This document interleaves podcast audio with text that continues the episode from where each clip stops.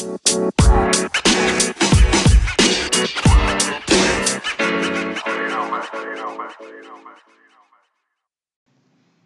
Assalamualaikum warahmatullahi wabarakatuh. Sore-sore nunggu buka. Ini gue uh, mau menskemakan, gue membuat skema dari sebuah tulisan. Jadi sekitar dua tahun yang lalu mendapatkan tulisan dari Dr. Tiar Anwar Bahtiar, sebuah artikel. Gitu. Artikelnya tuh menarik. Sebenarnya artikelnya cuman uh, meneliti mengenai uh, hijrahnya Nabi Muhammad uh, ke Madinah dan hubungannya sama pasar Madinah. Saya baca tulisannya, ternyata menarik tulisannya ini ternyata ada banyak hal yang umumnya uh, ustadz-ustadz yang saya pas saya belajar nggak kasih tahu ke saya kemudian nama dokter Tiar Anwar Bahtiar ini dikupas Lalu saya baca dalam ini ini konsep ekonomi canggih nih menurut gua gitu karena saya kan pelaku uh, bisnis di e-commerce kan ternyata ada nilai-nilai yang Nabi Muhammad uh, contohkan di sana itu yang sangat dekat sama uh, apa yang saya jalani sekarang di e-commerce. Oh. Kita berbagi, berbagi ya. Ya, ini gak salah, bisa salah. Gue gue bukan ustadz, gue bukan dokter, gue bukan apa-apa. Gue cuma seorang pengusaha yang kemudian melihat, eh, ini ada ada kebenaran ini di sini gitu. Uh, share ya. Jadi gini, ini ini ini ini skema dari pemikirannya uh, Dr. Tian Anwar Bahtiar. Sebenarnya ini sebenarnya aslinya sebuah tulisan. Tapi karena gue orangnya visual banget sama gue diskemakan biar gampang uh, memetakannya gitu. Untuk gue lebih gampang memetakannya, mudah-mudahan untuk teman-teman juga lebih uh, mudah memetakannya. Ini ya, tahu lah kita bicara bicara tentang hijrahnya Nabi Muhammad dan kaum Muslim dari Mekah ke Madinah. Itu nggak usah kita bahas ya. Operasinya uh, kafir Mekah pada saat itu kafir Mekah itu membuat uh, umat muslim harus pindah ke Madinah memang pindah tuh gampang. Susah lagi pindah tuh.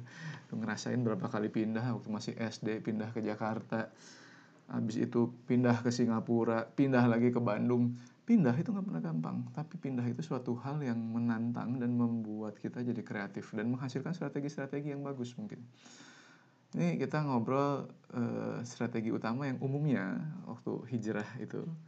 Strategi utama ini umumnya pastilah diajarin lah di sekolah-sekolah gue yakin mengenai strategi tiga pilar utama ini nih yaitu action membangun masjid ya kan lalu action mengikat persaudaraan kaum muslim, lalu action melakukan perjanjian damai dengan berbagai komunitas di Madinah. Uh, detailnya mungkin kalau kita bicara membangun masjid, apa tujuannya Nabi Muhammad pada saat itu membangun masjid pertama kali ketika nyampe ke Madinah? Yes, mendahulukan membangun keimanan dan mentalitas masyarakat. Kan ini udah 13 tahun si kaum muslim ini dididik di uh, di di Mekah tauhid itu kan uh, ajaran-ajaran yang dididik 13 tahun dimasukin tuh ke kepala orang-orang Arab yang pada saat itu umumnya masih percaya kepada berhala Tuhan yang banyak. Ya itu mesti di mesti dimasukkan sebuah paham baru dan itu 13 tahun. 13 jadi kita kalau udah ngerasa bahwa oh, gue nih udah paham begini konsep ini gini, gue udah hijrah gini. Gampang banget lo ngomong hijrah baru dua tahun aja.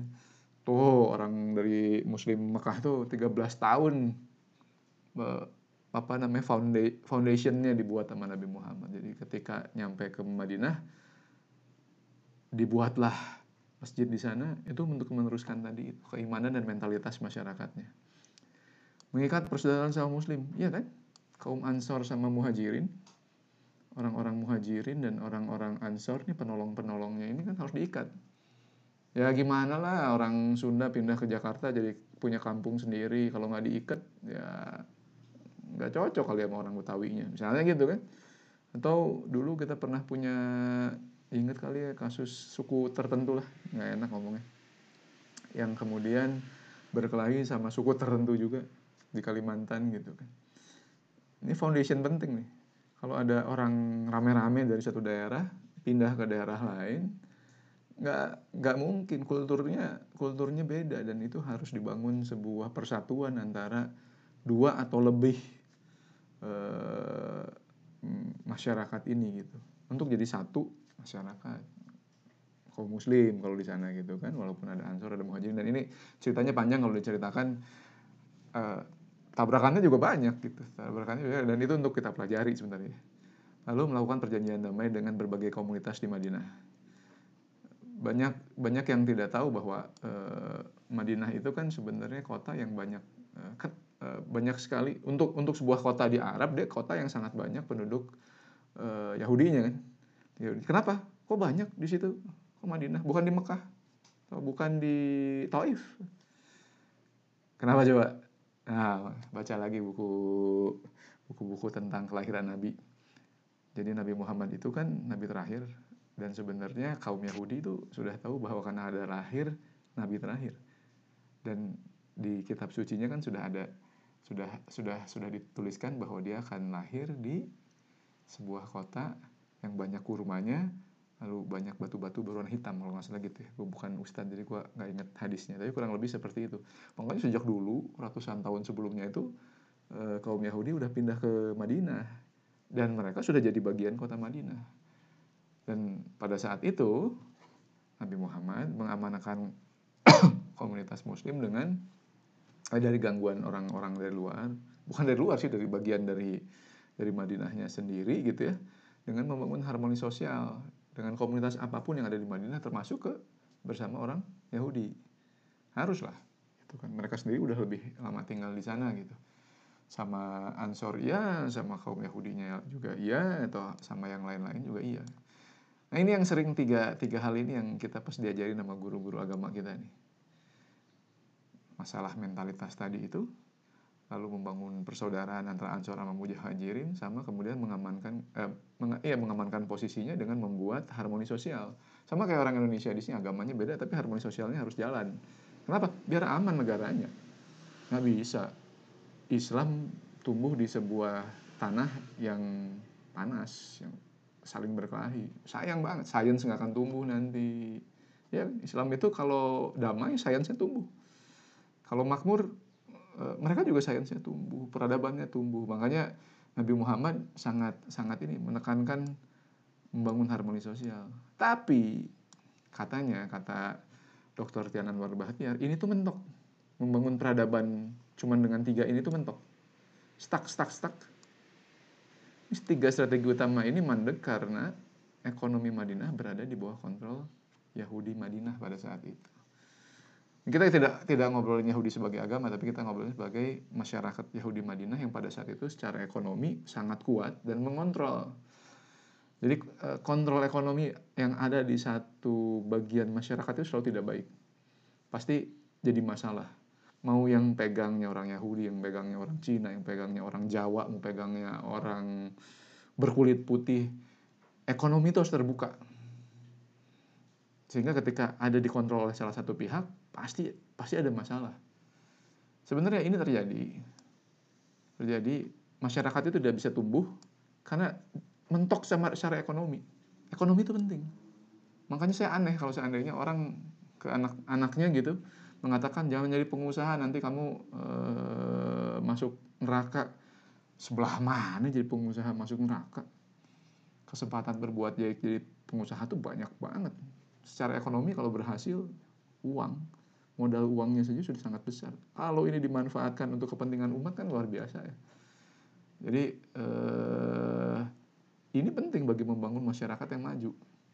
Makanya ketika mentok di sini, ini mentok karena beberapa hal kata dokter Tiara Anwar Jadi secara hulu produksi itu dikuasai kaum Yahudi.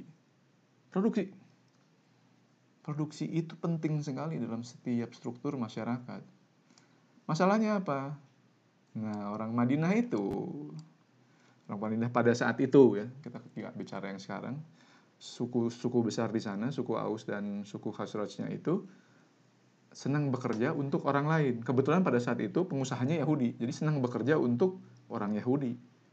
Dan kalau dia menanam makanan misalnya begitu, itu hanya untuk kebutuhan diri sendiri, tapi tidak untuk ekonomi masyarakat secara umum.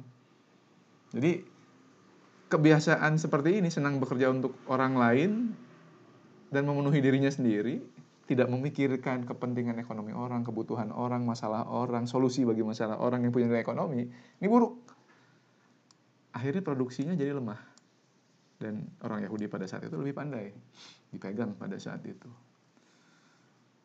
Lalu ini juga akibat dari apa ini di hilirnya, kalau tadi di hulunya, ini di hilirnya distribusi pasar didominasi oleh aturan dan kuasa kaum Yahudi.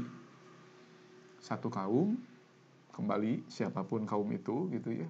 Orang Sunda gue orang Sunda. Kalau orang Sunda yang megang doang juga jadi masalah sebenarnya. Ini fokusnya kepada ini nggak boleh didominasi sama satu pihak aja. Harus dibuka. Harus dibuka. Ya pada saat itu pasar berada di bawah aturan dan manajemen dari orang Yahudi di antaranya pasar yang paling besarnya itu pasar Kainuko dia kan punya Bani Kainukanya kan uh, pasar paling besar di sana, dikontrol di sana, ada aturannya apa segala macam. Ya ambil gini lah kalau teman-teman teman-teman mungkin uh, oh udah pernah ada di sini ada yang punya showroom mungkin gitu. Saya pengalaman banget apa yang namanya showroom. ambil contoh uh, showroom di mall misalnya gitu ya showroom di mall itu bagian paling depan bagian paling depan itu untuk anchor untuk anchor tenant disebutnya anchor tenant itu ya sebenarnya itu kepentingannya si mall sendiri dan itu untuk untuk mallnya bagus. Kalau bagian paling depan dari dekat pintu masuk itu harus merek-merek yang sudah dikenal sama orang biar orang familiar mau masuk gitu ya. Familiar mau masuk.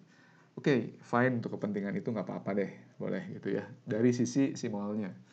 Tapi bayangkan kalau kamu brand baru, kamu punya uang, pengen nyewa di situ, nggak bisa bro.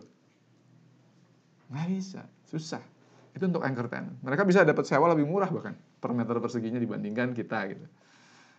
Apalagi kamu yang baru mau masuk gitu, belum pernah punya toko di mall, ah, udah nggak bisa. Ini aturan diatur oleh satu pihak. Ini efeknya seperti itu. Jadi ada segregasi akhirnya. Walaupun awalnya memang itu tujuannya bukan semata-mata ekonomi, kepentingan ekonomi gitu ya, logis. Tapi lama-lama itu jadi segregasi, kerasa menjadi segregasi Makanya ini juga kalau pasar yang pada saat itu di bawah manajemen Yahudi, oh Yahudi Madinah maksud saya gitu, ini jadi masalah. Kenapa? Barang mau didistribusikan harus ngikut sama aturan kaum ini aja. Aturannya mereka. Repot. Padahal kalau ada orang punya inovasi nggak bisa nanti. Ada orang yang punya produk bagus, punya layanan bagus apa segala macam terhambat gara-gara ya tadi kamu bukan anchor tenant misalnya gitu.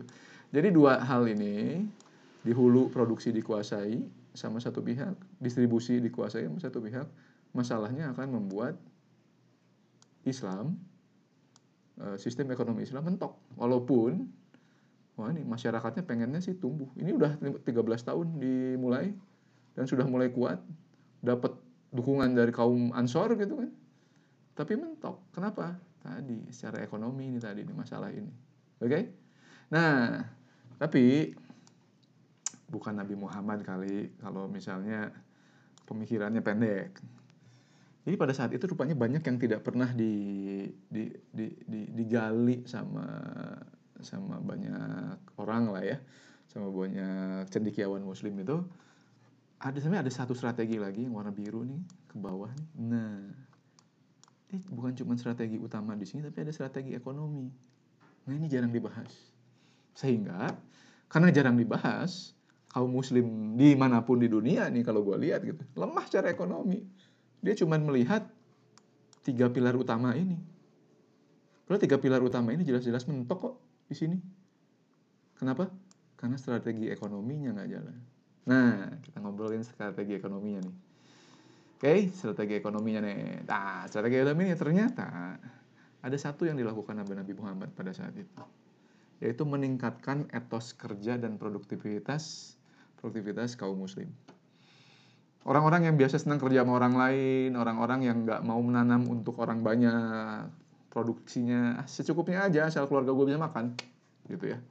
Ini tidak berpikir besar, tidak berpikir holistik, tidak berpikir uh, sistem masyarakat yang maju. Jadinya Nabi Muhammad harus mendorong ini.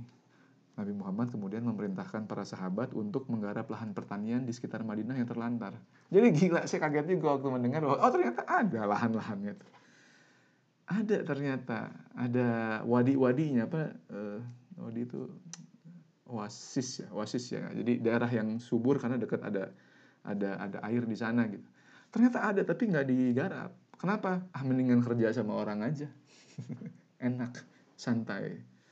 Nggak perlu ada target nggak perlu mikirin resiko kan gajinya jelas per hari segini misalnya gitu kan setelah jadi pengusaha waduh ada resiko nggak mau ah nah pemikiran nggak mau e, menghadapi resiko ini juga yang jadi masalah juga jadi Nabi Muhammad memerintahkan para sahabat untuk menggarap lahan pertanian di sekitar Madinah yang terlantar ini untuk apa? Untuk memberikan alternatif suplai produk yang sebelumnya disuplai oleh kaum Yahudi. Alternatif. Alternatif ya konteksnya di sini tetap alternatif. Bukan berarti oh ya kaum Yahudi gini, boykot nah nggak nggak pakai boykot boykotan Nabi Muhammad mah sifatnya bersaing men sifatnya seperti itu berikan alternatif yang lebih baik ya seperti teori marketing zaman sekarang canggih kan canggih ini katanya uh, hadis uh, riwayat Al Bukhari ini siapa yang menghidupkan tanah yang mati maka tanah itu menjadi miliknya itu itu turunnya di sini konteksnya pada saat itu pada saat ekonomi lagi dibangun oleh Nabi Muhammad di saat hijrah, di awal-awal hijrah itu. Lalu kemudian, ya ini pemimpin-pemimpinnya pada saat itu. Ali bin Abu Talib, Zubair bin Awam, itu itu adalah orang-orang yang sejak zaman dulu itu eh, kemampuannya diproduksi. Jadi jadi jangan melihat sahabat itu kadang-kadang kita ini kalau melihat sahabat tuh pada saat perang doang gitu Wah, Ali kalau perang jagoan, bisa mengalahkan ini, ini. Iya, itu juga. Tapi jangan menghilangkan uh, Sayyidina Ali itu uh, kemampuannya ketika dia jadi masyarakat biasa di saat damai. Ini ahli produksi orangnya. Sahabat ini, contoh. Harus ada orang-orang kayak Ali bin Abu Talib sama Zubair bin Awam. Ini memang dua-duanya orang-orang yang fisiknya bagus.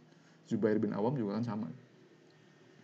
Jadi eh, mereka dulu nih ada beberapa orang yang diutus sudah kamu duluan nih yang disuruh kasih contoh gimana caranya kamu coba dulu sendiri kamu berhasil orang pasti ngikutin kamu karena Ali Zubair ini kan juga orang-orang yang influencer lah kalau sekarang begitu saat Nabi Muhammad pada saat itu the real influencernya ini influencer yang lebih kecilnya juga di, di dimanfaatkan dengan kemampuannya influencer di sini konteksnya kemampuannya juga bagus ya, bukan cuma pandai bersolek lah gitu ya. Uh, kemudian barulah kabilah-kabilah lain, lain ikut belajar bercocok tanam, melihat kesuksesannya sahabat-sahabat yang di awal. Jadi konteks di sini kembali ya pelajaran yang bisa kita ambil adalah kita harus cari orang-orang hebat dan orang-orang hebatnya suruh memulai dan suruh menginspirasi, suruh menginspirasi. Nanti orang-orang lain akan ikut gitu. Tapi jangan suruh-suruh. Apalagi masyarakat Indonesia, masyarakat Indonesia mah susah suruh-suruh, dicontohin. Makanya pemimpin yang bagus di Indonesia itu kan pemimpin yang bisa memberi contoh. Kalau yang jago ngomong nggak laku, pencitraan nggak laku. Jago buat contoh lo, jadi pemimpin di Indonesia. Kan ternyata bukan di Indonesia doang. Dulu di di di Madinah pun kayak begini. Ini muncul nih pusat-pusat produksi baru Wadi Al-Aqiq, Wadi Batan, Wadi Mahzus, Wadi Kana, dan sebagainya, dan sebagainya. Ini muncul. Kalau ada satu berhasil, dua berhasil, modelnya uh, modelnya bisa ditiru, ditiru sama orang. Makanya jangan gini lah, di bisnis juga, lu tuh kalau sukses ya, kalau sukses, modelnya bukalah sama orang lain. Modelnya buka aja sama orang lain. Ini cara, modelnya seperti ini. Soal ngejalanin mah kan masing-masing belum tentu kok orang dikasih modelnya bakalan sukses enggak. Itu kan gimana manusianya juga. Seberapa bagus karakter manusianya seberapa bagus kemampuan eksekusinya seberapa bagus tim yang dibuat gitu. Jadi kalau lu cuma ngasihin model doang ke orang itu nggak ngebocorin rahasia perusahaan wah masih banyak yang orang orang akan gagal di tengah jalan gitu. Kalau kalau lu takut sama persaingan. Tapi kalau nggak takut sama persaingan lebih bagus lagi kan. Lebih bagus lagi ya ya udah anggap aja amal jariah lu lah. Ngasih model ke orang lain gitu Nah, ketika sudah mulai panen, maka kebutuhan kaum muslim tidak lagi harus bergantung pada hasil produksi kaum Yahudi pada saat itu. Lalu dengan ada alternatif ini, daya tawarnya naik. Gitu kan? supply kebutuhan-kebutuhan primer, kebutuhan-kebutuhan uh, yang saat itu penting untuk di awal yang primer itu aman. Dengan begitu apa? Harga bisa dikontrol. Kenapa? Tercipta persaingan. Kalau ada persaingan yang di atas ini yang biasanya memonopoli, naruh harga sendiri, dikasihlah saingan-saingan, ketemulah harga di tengah kan. Prinsip ekonomi. Ekonomi. Jadi jadi again, head on ini tadi untuk tadi untuk memecahkan masalah ini produksi dikuasai kaum Yahudi bukan di boykot ya gue gue makanya gue anti boykot boykotan lah mau wow kita muslim apa segala macam boykot produk ini atulah zaman modern kalau lu ngeboykot sekarang lu nanti suatu saat akan jadi orang yang akan diboykot sama orang kenapa karena lu menutup bisnis orang dengan paksa mendorong lu jadi monopoli nanti lu nya yang monopoli suatu saat Iya kan? Ma iya, karena lu bisa menurunkan orang dan kemudian sudah itu lu nggak mau disaingin biasanya begitu. Makanya terbuka aja, bersaing secara terbuka. Lalu lanjut lanjut lanjut lanjut lanjut lanjut lanjut lanjut. Ini gue gue ngomongin agama ini nyerempet nyerempet tapi agamanya bukan gue yang meriset ya dok dokter Tian Anwar Bahtiar kalau gue nggak ngerti itu gue ngerti dari sisi dari sisi seorang pengusahanya ngelihat si penelitian ini gitu. Uh, jadi nanti jangan ada yang tanya kemudian tanya sama gue hadisnya apa segala macam. Gue bukan gue bukan bukan uh, apa namanya bukan uh, seorang ustadz gitu enggak. Tapi saya melihat ini sebagai seorang pengusaha. Nih. Kebetulan ini lagi Ramadan aja. ya siapa tahu bermanfaat nih amal untuk gue.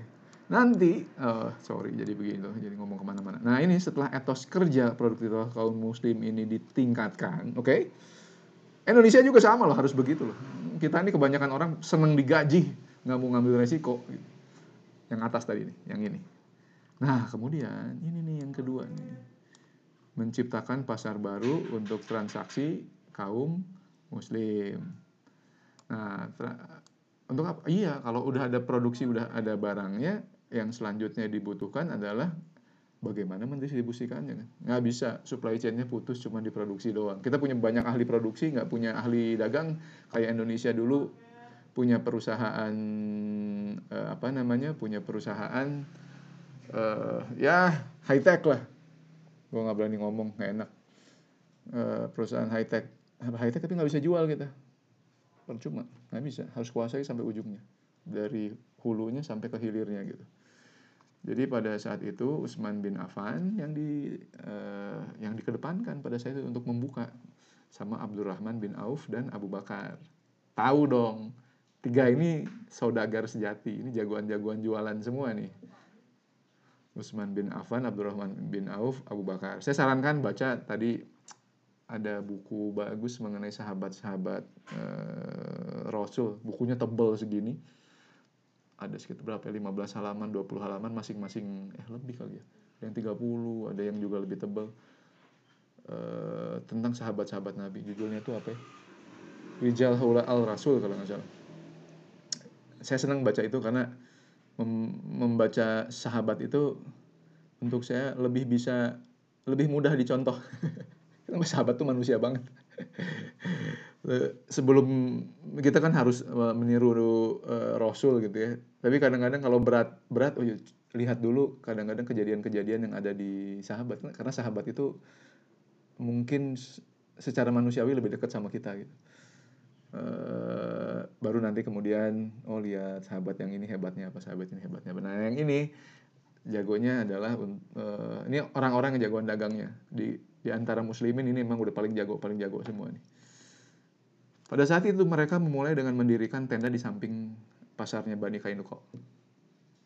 Karena tenda itu ternyata terbuka dagangnya, nggak mau ngikutin aturan-aturan kakunya itu, dihancurkan sama Bani Kainuko.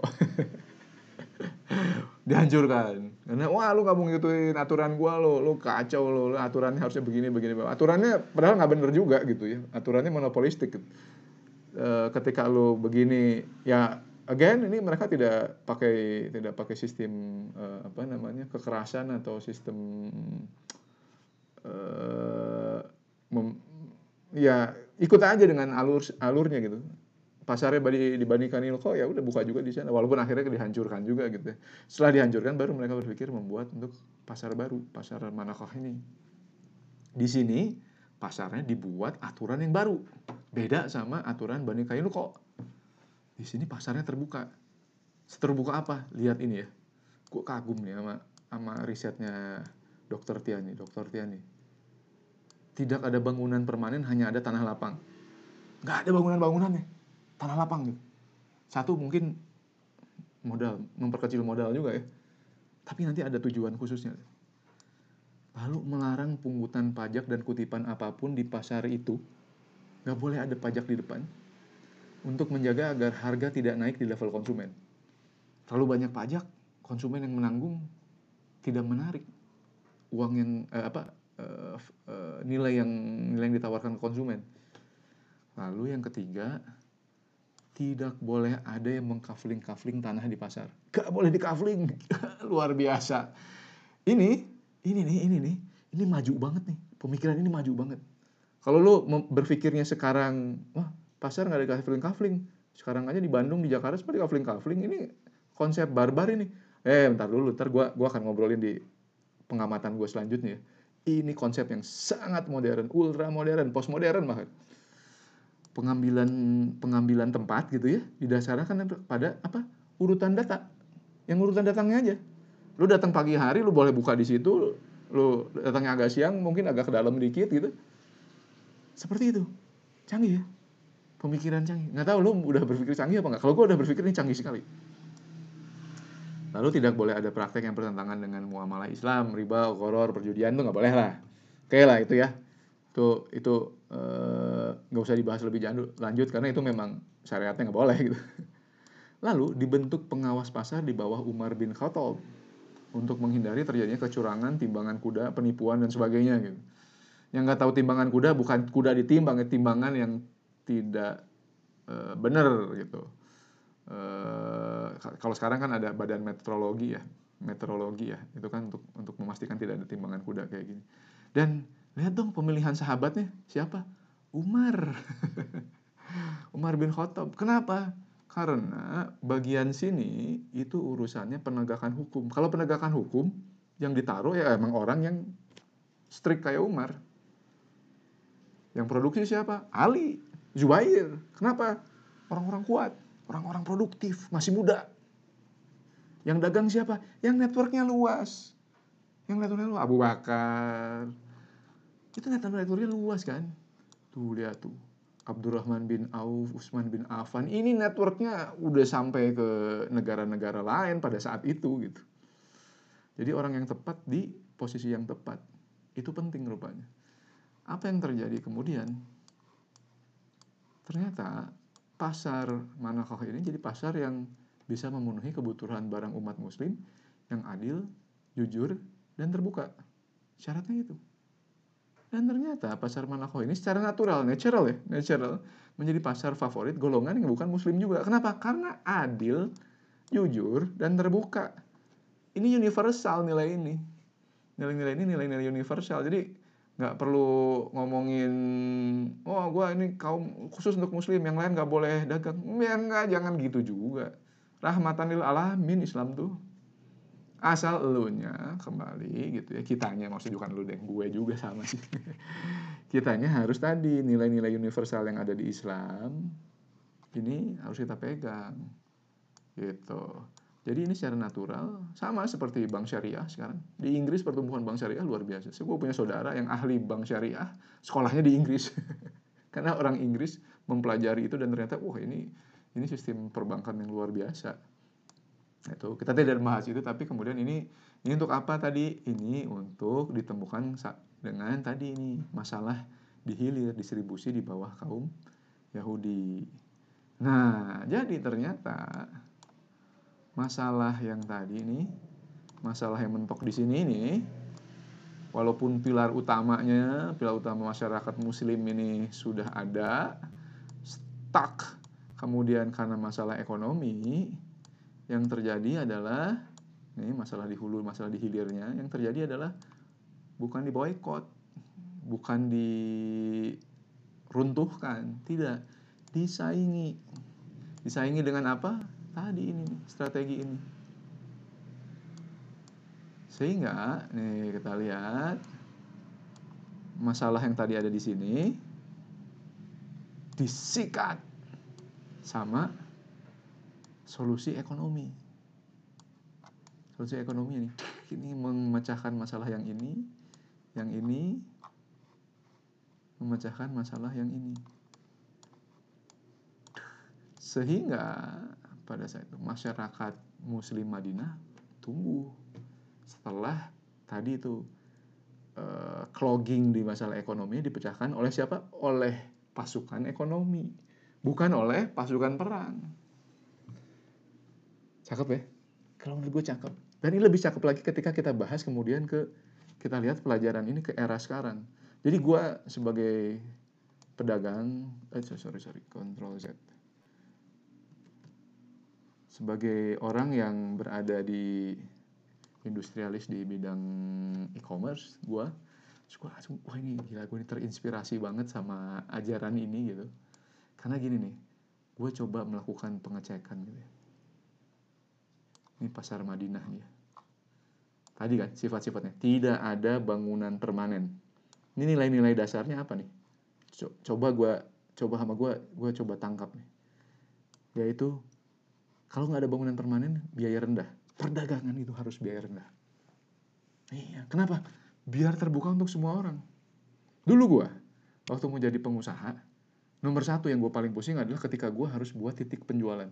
Titik penjualannya mahal semua bro.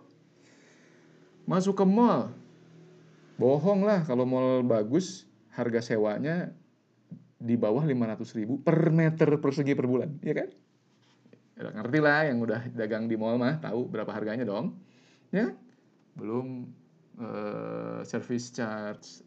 Kalau kamu pakai toko sendiri juga mahal. Sewanya kan harus dua tahun harus tiga tahun bener gak ya kan? Mahal.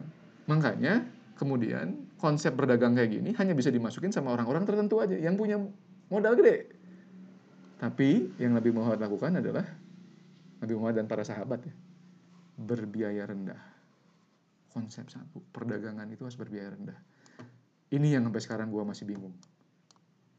Tanpa pajak. Gue bukan ahli syariat. Bukan ahli syariat, tapi ini keren sih. Kalau menurut gue tidak ada pajak di depan itu keren. Karena sebagai pengusaha gue merasa terbebani banget sama pajak-pajak di depan itu. Lalu tidak tidak boleh mengkafling tanah di pasar. Ya kan? Gak boleh kafling-kafling. Tidak ada kepemilikan permanen terhadap lahan. Maksudnya apa? Tidak ada monopoli terhadap posisi atau bidang-bidang strategis. Gak boleh ada kok monopoli ini di sini. Ini canggih nih. Ini semua orang bisa dagang kalau seandainya nilai-nilai ini sama kita bisa kita jalankan lagi. Tidak boleh ada praktek yang bertentangan dengan muamalah Islam. Jelaslah kalau itu ya. Riba itu transaksi harus adil. Goror itu transaksi harus jelas. Ya, an, uh, kenapa nggak boleh riba karena goror? Karena itu transaksi harus adil, transaksi harus jelas. Jadi resiko harus terukur. Gitu. Ini prinsip ekonomi, prinsip perdagangan yang sangat modern ini. Sampai sekarang kalau lu jadi pengusaha, harus ini, satu adil, lalu transaksi harus jelas, transparan, lalu resiko harus terukur. Jadi pengusaha bener deh itu. Ya. Lalu yang terakhir dibentuk pengawas pasar di bawah Umar bin Khattab untuk men, uh, menghindari terjadinya kecurangan-kecurangan kan ini lembaga yang sifatnya lembaganya berarti kalau zaman sekarang kita ambil value-nya adalah lembaga ini harus sifatnya kayak Umar. Turunkan aja sifatnya kayak Umar lembaganya. Berwibawa, tegas, pintar, pemberani dan amanah. Ini Umar kalau menurut gua. Berwibawa ya, tegas, sangat tegas. Eh Umar tuh pinter ya. Umar itu satu dari sedikit sahabat yang bisa baca sejak kecil. Nabi Muhammad nggak bisa baca dan kebanyakan orang pada saat itu belum bisa baca. Umar itu bisa baca dari dulu. Makanya Umar itu uh, jago syair kan, jago seni, jago seni. Makanya apa yang membuat Umar kemudian masuk menjadi seorang Muslim ketika mendengarkan Al-Quran kan, titik sentuh yang disentuh sama Allah itu tadi di situ, karena dia pinter baca, lalu dia jadi seorang seniman. Uh, apa, sih disebutnya uh, orang yang mengerti seni ya orang yang mengerti seni pada saat itu kan seninya seni uh, puisi seperti itu ya Umar dan ketika dia mendengar lantunan bacaan Al-Quran, wah dia kagum sama seninya. Jadi bukan cuman kepala uh, sisi logiknya waktu itu yang kena begitu ngedengar uh, Quran itu, tapi sisi subjektivitasnya karena dia pun penyuka seni sebenarnya. Tak kena. Itu yang keren. Jadi Umar tuh pintar pada situ. Tapi dia juga pemberani dan orangnya sangat amanah. Gitu kan. Nah kalau kita ngobrolin ini ya tadi itu. Jadi ternyata yang diajarkan dari tadi nih dari pasar Madinah value-nya adalah kalau berdagang biayanya rendah kalau bisa tanpa pajak ini gue masih belum mengerti nih biar biar biar uh, uh, ustadz-ustadz lain lah yang saya suka tonton tuh ustadz-ustadz itu ya yang coba menjelaskan ini. Kalau saya nggak ngerti lah saya nggak ngerti gimana caranya. Tidak ada monopoli terhadap bidang strategis nggak boleh ada monopoli. Lalu transaksi harus adil transaksi harus jelas transaksi resiko harus terukur. Dan kemudian adalah harus ada lembaga pengawas yang sifatnya berwibawa, tegas, pintar, pemberani, dan amanah. Gitu. Nah ini kemudian sama gua, berdasarkan pengalaman sendiri gitu ya, dan pengalaman sendiri, coba, gua coba bandingkan, yang punya nilai-nilai seperti pasar Madinah di kanal-kanal modern, apa sih? Ini saya coba bandingkan modern showroom, modern consignment, konsinyasi, bahasa yang umum dia kenal sama teman-teman mungkin, lalu web store atau e-commerce. Ya, Nih kita lihat, modern showroom berbiaya rendah. Enggak banget, seperti saya bilang tadi. Bangun showroom tuh mahal. Bisa habis setengah M satu showroom. Sama stok barang apa segala macam, ya kan? Satu showroom, belum dua showroom, belum tiga showroom. Kalau kita bicara modern consignment, openingnya juga mahal. Walaupun lebih kecil ya, konsinyasi kita di modern market misalnya gitu. Ini lebih lebih lebih kecil sih modalnya, tapi masih mahal juga sih kalau menurut gua. Masih cukup mahal. Kalau dibandingkan sama web store atau e-commerce, ini luar biasa nih e, lihat ya yang namanya untuk membuat web store domain itu harganya cuma 200 ribu hosting itu paling sejuta per tahun bisa bayar per bulan? Ah, ada yang bisa bayar per bulan. E-commerce platform web store misalnya gitu. Itu paling lo di charge 0,5% sampai 2% per penjualan. Ah di awal-awal cuma 0,5 eh di awal kan dua dua dua setengah persen. Bisa juga kalau sewa bahkan. Sewa per bulan bisa juga sekarang. Sistemnya SaaS. SaaS tuh service as as a service software as a service ya SaaS itu ya jadi yang biasanya kita ngebangun web store misalnya gitu, wah nulis sendiri, sewa orang yang jago coding, selesainya 6 bulan, 6 bulan belum stabil gitu. Zaman sekarang sewa aja platform murah Tors itu memulai bisnis di web store kita tuh dari mulai eh, tadi nyewa si platformnya itu sampai kita dapat penjualan pertama cuman tiga minggu jaraknya tiga minggu udah bisa jualan udah langsung mulai jualan gitu. kenapa tadi murah domain mau tulisannya tors.id atau tulisannya omben.com atau apa gitu ya. Kalau secara umum harganya sama 200 ribuan kok domain itu. Kecuali kamu pengen domain yang sangat bagus. Tapi dalam kenyataannya domain apa aja kok. Tors.id itu nggak ada nilainya 200 ribu dulu harganya. 200 ribu asli 200 ribu. Tapi sama kita kemudian kita belajar untuk mempromosikan si situs tersebut. Sekarang kalau dijual kali, uh kalau nawar orang miliaran kali. Kali nggak tahu juga nggak pernah nggak pernah buat juga ini nggak tahu lah ini masuk tahunya gue aja. Tapi emang iya di di awal torch.id sebagai sebuah domain itu cuma dua ratus ribu harganya. Ya tuh yang gajinya 3,5 juta juga udah bisa kali. Tuh. Jadi warnanya hijau nih sama gue nih. Gue kasih warna hijau nih kenapa karena warna hijau ini sesuai dengan tadi value-nya pasar Madinah tanpa pajak wah nggak bisa semua di Indonesia paling tidak sampai sekarang semua mau modern showroom, consignment atau e-commerce semua harus bayar pajak. Saya juga begitu melewati 4,8 m eh, apa revenue kita udah langsung kena PPN 10%. Aduh. Padahal banyak banget orang lain yang pura-pura nggak mau bayar pajak sementara di pasaran kita bersaingnya sama. Harga costnya saya naik 10% karena bayar pajak. Ada orang yang ngakalin pajak nggak mau bayar ke negara dia costnya lebih murah 10% dengan ngakalin negara dengan main curang gitu ini masalahnya sama pajak tuh kayak gini-gini nih kalau tidak bisa diterapkan dengan benar tidak adil yang terjadi adalah ketidakadilan bagi para pengusaha Oke, okay, tapi gitu itu ahli pajak yang mikirin lah, jangan gue, gue pengusaha. Tidak ada monopoli terhadap bidang strategis. Nih, tadi nih. Kalau di kalau di showroom, kalau di showroom, kalau di mall, posisi semakin strategis semakin mahal. Paling depan lantai dasar pasti mahal banget. Ada murah, agak murah ya, bukan murah gitu. Kalau ini 500 ribu per meter persegi per bulan, yang itu mungkin 380 ribu, masih mahal juga sebenarnya sih Makanya jangan dikubur di mall ya. Per meter perseginya mahal per bulannya. Siapa juga yang mau. Tapi emang seperti itu. Kalau murah, nanti kamu dapetnya lantai tiga gitu. Di pojokan lagi. Emang daerahnya nggak laku gitu. Ini emang susah. Perusahaan-perusahaan gede yang bisa dapat lokasi-lokasi yang bagus. Atau kamu yang bisa punya akses terhadap financing yang bagus. Modal yang bagus. Mau pinjem, mau kamu anaknya konglomerat gitu. Kamu akan dapat tempat yang bagus. Nah, ini yang uh, somewhat gitu ya menurut saya ketika saya muda saya menganggapnya sangat tidak adil sangat tidak adil ketika saya muda nggak punya duit saya wah ini nggak bener nih gitu jadi lama kalau mau maju tuh kalau dengan cara seperti ini. Lu bisa pinter tapi lu nggak punya duit lu nggak bisa maju gitu. Sayangnya itu. Lalu posisi strategis biasanya diberikan pada produk dengan brand yang brand yang besar atau punya stok banyak. Ini kalau di kalau di apa namanya di modern consignment kayak gini nih. Kamu akan dapat uh, apa namanya island yang bagus gitu kalau kamu stoknya banyak. Kalau stoknya sedikit susah kamu. Karena kalau stoknya dingin banyak produk yang ter apa, apa banyak lead yang nggak terkonversi jadi penjualan karena stoknya habis lah kayak gitu gitu pemikirannya modern uh, consignment ya kayak gitu gitu. Tapi jadi jadi jadi pembatas untuk maju bagi yang baru-baru. Nah menariknya adalah kalau di e-commerce di web store misalnya gitu nama domain itu tidak nama domain web itu tidak berpengaruh besar terhadap kedatangan konsumen. Iya. Iya kan lu mau hosting di mana pun juga sebenarnya atau nama domainnya apa pun asal lu bisa memasukkan nilai kepada nama tersebut. Itu pasti nilainya dinaik. Benar.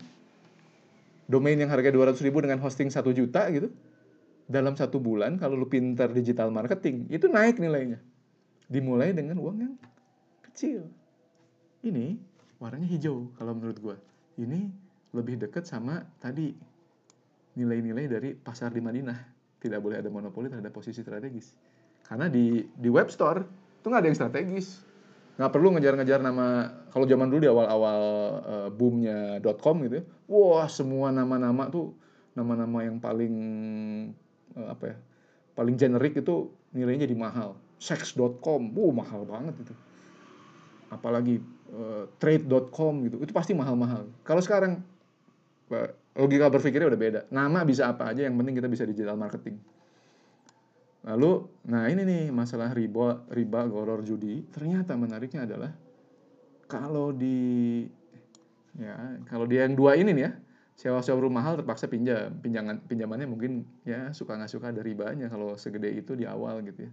Tapi sekarang udah nggak. Sekarang udah banyak peer to peer lending juga ini kamu bisa coba lakukan. Mungkin kalau mereka mau bisa consignment system juga menyandarkan resiko terbesar kepada pemilik barang kan? Kalau consignment tuh. Kenapa? Karena pembayaran hanya berdasarkan barang yang terjual. Stok kamu di sana tuh numpuk kalau nggak terjual. Kalau terjual bagi untung berdua kalau nggak terjual kamu yang rugi. Orang itu nggak mau membeli di depan. Si tempat-tempat consignment ini nggak boleh di depan. Dan ini ini memberatkan bagi starter. Startup startup brand itu pasti akan keberatan dengan consignment sebenarnya. Luckily kalau kamu mulai di e-commerce jumlah transaksi retail dan data-data e-commerce ini sulit dipalsukan asik kan penjualan itu kan kelihatan terdata tuh secara digital terdata dan ini sudah bisa dijadikan sekarang pengganti jaminan untuk platform peer-to-peer lending dengan margin bagi untung sekitar 1 sampai 1,5 persen per bulan. Nah itu tuh bisa nih. Kalau sekarang udah ada peer-to-peer lending yang punya akad syariah. Cari aja di internet lu ketemu lah itu. Nah, ketemu. Kami pakai itu. Lalu, nah ini lembaga pengawas. Nah sayangnya kalau soal lembaga pengawas semuanya masih merah menurut gue. Nggak ada pengawas yang adil. Bahkan negara, punten ya, negara kalau menurut gue nggak nggak berpihak pada pengusaha-pengusaha kecil. Sorry, gue harus mengatakan seperti itu. Maaf nih, semua menteri. Kalau menurut gue, lo masih berpihak pada yang gede-gede. Pada yang kecil-kecil nggak, belum berpihak. Berpihak. Kalau nggak setuju, nanti ngobrol aja sama gue Jangan di internet ngobrolnya sambil ngopi, sambil makan-makan. Karena kita semua saudara. Ya, ini beda pendapat aja. Karena menurut gue, nggak, belum ada lembaga seperti itu di Indonesia. Nah, kalau menurut gue, suatu saat justru yang akan menjadi authority itu mungkin bukan manusia, tapi sistem. Karena di e-commerce, dengan pencatatan transaksi yang sangat uh, apa transparan dan real time, kita sudah mulai melihat kemampuan blockchain. Blockchain itu adalah sebuah sistem yang bisa menjaga integritas data. Data itu nggak bisa bohong kalau kalau pakai blockchain ya. Teknologi softwarenya sudah mendukung, sekarang tinggal authority-nya, tapi mungkin bisa jadi authority-nya nanti ada di sebuah sistem. Kayak blockchain itu kan tidak ada bank Indonesia, tidak ada bank bank blockchain gitu. Sistem yang mengatur blockchain itu, tapi authority-nya kuat. Bahkan authority manusia bisa kalah karena manusia bisa disogok, bisa curang. Tapi kalau sebuah sistem kayak blockchain gini susah. Dia rigid. Dia tidak bisa seperti itu. Jadi kalau kita ngobrolin, ini saya saya masih ke di sini saya masih kasih kuning lah ya karena masih ada kalau ngomongin akad uh, masih ada yang bilang ini akadnya belum terlalu uh, syariah. Tapi kalau menurut gue udah udah kemajuan banyak sih daripada harus terpaksa masuk ke bank misalnya gitu uh, ini udah langkah yang sangat bagus menuju uh, sebuah sistem pembiayaan syariah. Jauh-jauh lebih bagus kalau menurut gua. Tapi oke okay lah, gua gua kasih warna kuning bukan hijau gitu ya. Karena masih ada PR di sana. Tapi kalau ngelihat ke sini, nah gini nih, masalah masalah biaya rendah gitu ya. Tanpa pajak, tidak ada monopoli terhadap posisi strategis, tidak ada riba, golor dan judi, bahwa transaksi harus adil, jelas dan terukur lalu ada lembaga pengawasnya gitu ya. Ternyata yang lebih banyak dapat warna hijau lebih dekat kepada nilai syariah itu adalah yang e-commerce. Sistemnya seakan-akan, gua, gua kagumnya gini, ini seakan-akan gitu ya, dunia itu, ini yang inovasi kan bukan kaum muslim rasanya buat e-commerce apa segala macam, ya, ada tentu sumbangan intelektual muslim di sana tapi ini banyak lahir di negara-negara barat loh. Yang lagi di negara-negara barat. Internet itu kan DARPA Amerika Serikat ya. tapi lihat dong secara otomatis walaupun tidak dirancang oleh kaum muslimin baru kaum muslimin sekarang masuk kayak gua masuk ke sana gitu misalnya berdagang di sana ikut membuat sebuah sistem di sana. Tapi ternyata ini kayak sesuatu yang sudah dirancang untuk masa depan di mana segala sesuatu sama Allah akan didekatkan pada syariat Islam. Bukan karena apa-apa, karena syariat Islam ini bagus bagi perdagangan. Nilai-nilai ini tuh bagus sekali kalau mau diadopsi menjadi nilai tadi, nilai-nilai yang universal bagi seluruh dunia. Ngelihatnya aja jangan pakai kacamata kuda gitu. Ini bukan punya muslim, boykot. Enggak gitu. Ini kayak begini nih ini saya sangat berterima kasih pada Dr. Uh, Tiar Anwar Bahtiar yang tulisannya sangat menginspirasi saya luar biasa, membuat saya bisa berpikir, oke, okay, insya Allah ke depan satu mulai di sini dulu dan besarkan ini, besarkan ini. Nanti ini ini bisa langkah-langkah selanjutnya, besarkan dulu di sini sehingga kalau udah punya untung dari sini mau masuk ke Medan showroom pakai duit sendiri aja bisa gitu. Atau pinjam yang syariah pinjaman yang syariah. Bisa begitu kan? Ini keren keren banget kalau menurut gua uh, walau alam bisawab ini cuma analisa gua dari sebuah tulisannya orang lain juga. Dokter Tiar ini uh, terima kasih Dokter Tiar saya sangat saya belum belum kenal sama Dokter Tiar uh, cuman baca tulisannya aja tapi saya mau mengucapkan terima kasih Eh, Anda membukakan kepada saya sesuatu yang dulu saya nggak sadari dan ketika saya hubungkan ini antara teorinya uh, analisa analisa bapak nih analisa bapak terhadap ajaran Islam ini dan ketemu sama saya di sisi yang sebelah sini yaitu di sisi pengusaha. Oh ini luar biasa. Ini ini sangat modern ini ini ini out of the box. Uh, dan saya yakin kalau kita sebagai muslim uh, coba ikuti ini insya Allah bukan cuma kita yang bisnisnya besar, tapi dunia bisnisnya akan lebih benar, lebih stabil. Insya Allah. Ini udah harus mau buka, udah pengajian segala macam saya mau buka, jadi segitu dulu aja. Terima kasih semuanya, terima kasih kepada Dokter Tiar sekali lagi, dan terima kasih pada yang mau mendengarkan gua ngacablak bebas ini. Oke, okay. good day. Assalamualaikum warahmatullahi wabarakatuh.